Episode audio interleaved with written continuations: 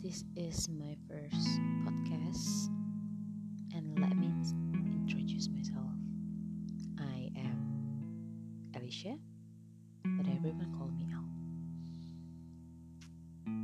I think the first thing that I want to talk in my first podcast is oh, of messaging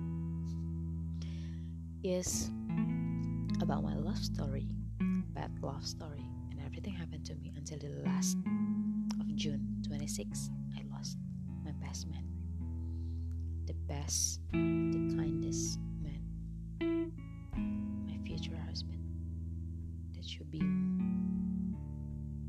mine. Dan sampai sekarang gue masih galau. Mungkin itu dulu. Kita lanjut nanti.